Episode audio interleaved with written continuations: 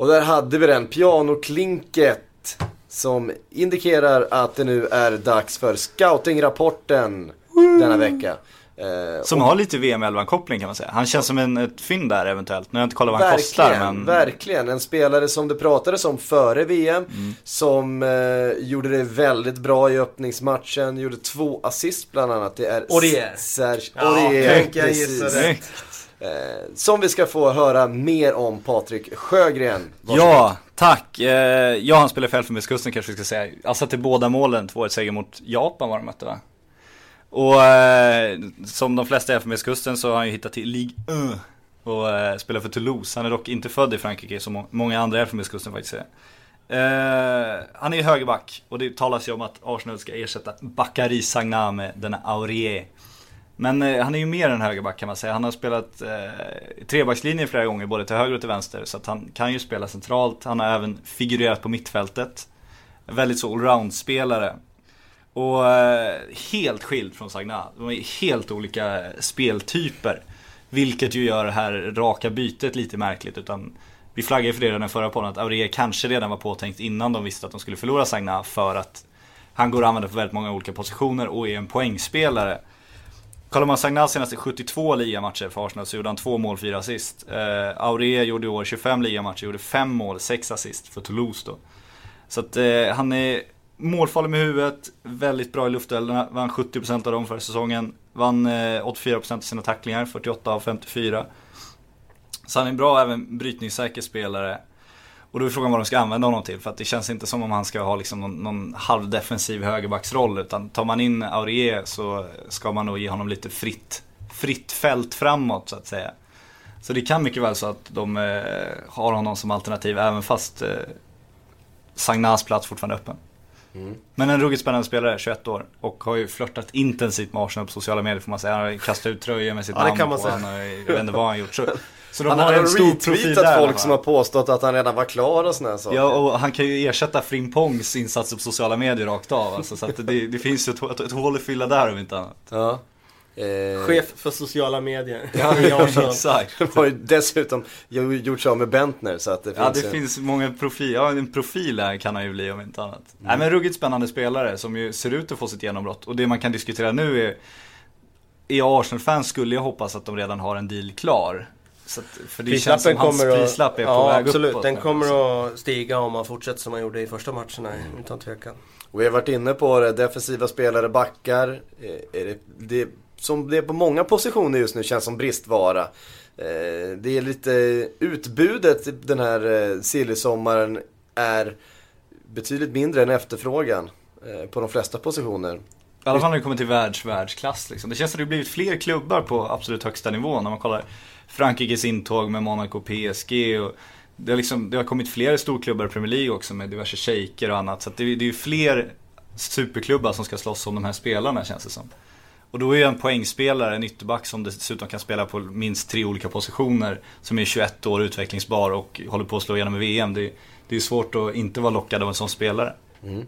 Kalle, vad säger du om Orier och det du har sett av honom? Nej, men jag skriver under på det som Patrik säger. Eh, han eh, är en annan spelartyp än Sanja. Där han är liksom en klok spelande back som eh, står rätt och har sin främsta kvalitet i kanske sin positionsspel och bolltryggheten så är ju Orie ett fysiskt monster som kommer att kunna eh, ta sig fram på sin kant eh, via sin snabbhet och sin eh, rivighet. Och sen har han ju faktiskt visat nu i första matchen här att han är väldigt, väldigt bra inläggsfot.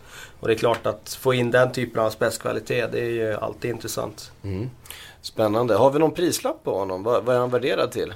Den är svår att säga. Nu lär ju den förändras under VM om den där dealen inte är klar. Innan VM hade man kunnat tänka dryga 100 miljoner. Jag tror inte att man skulle behöva betala mycket mer för honom. Ja, det är som allra mest tror jag. Ja, och nu eh, om man fortsätter så här som man gjort hittills, då eh, kan det bli huggsexa. Jag tycker till exempel ett PSG hade varit intressant att få in en, en så rivig offensiv högerback i. De är ju på jakt efter Dani Alves, det är ju mm. ingen hemlighet.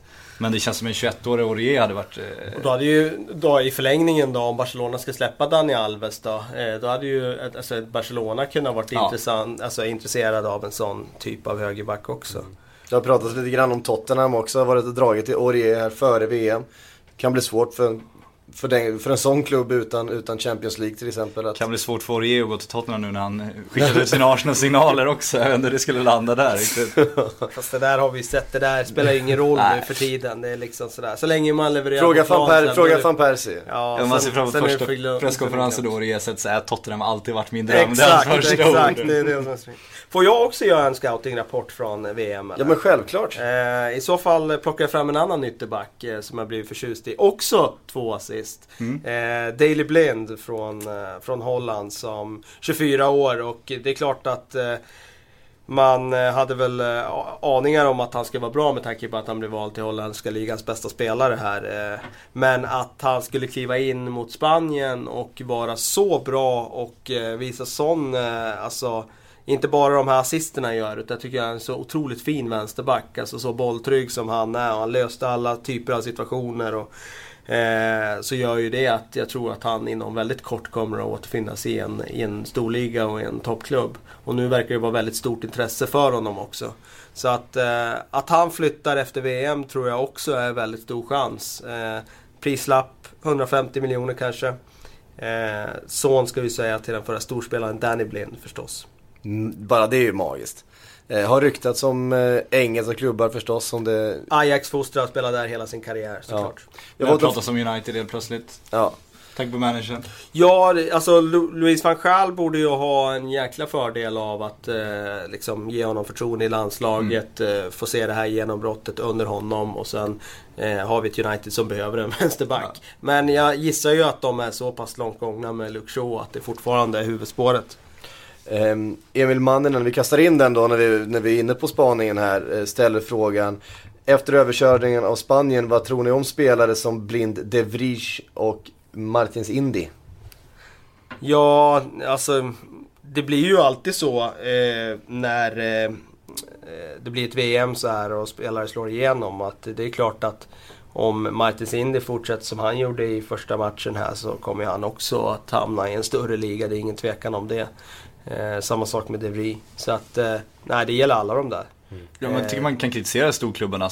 Alltså det känns som Ska man värva en spelare känns som man borde ha lite, lite mer, alltså det känns som det räcker med ett bra VM så har du ju ett enormt jäkla marknadsvärde. Men är det inte sådär liksom att de spelarna spelar i holländska ligan och nu för tiden kan man inte ta för givet att en spelare som är bra i Holland mm. är liksom kan leverera. Så kommer de till VM som är liksom den högsta nivån efter Champions League som kanske är den allra högsta nivån. Eh, och det är klart att visar man då att man kan leverera i ett VM, ja men då är det ett tecken på att ja men okej den här spelaren är the real deal. Så Samtidigt, tolkar jag det. Hur, hur bra kvalitet är det på ett VM då? För om man pratar Champions League så är det lag som är samspelta, de ligger ihop hela säsongen och man spelar ihop flera år. Ett VM samlar ju lag som liksom, det är ju ströflockspelare på ett sätt. Det är inte så många matcher tillsammans.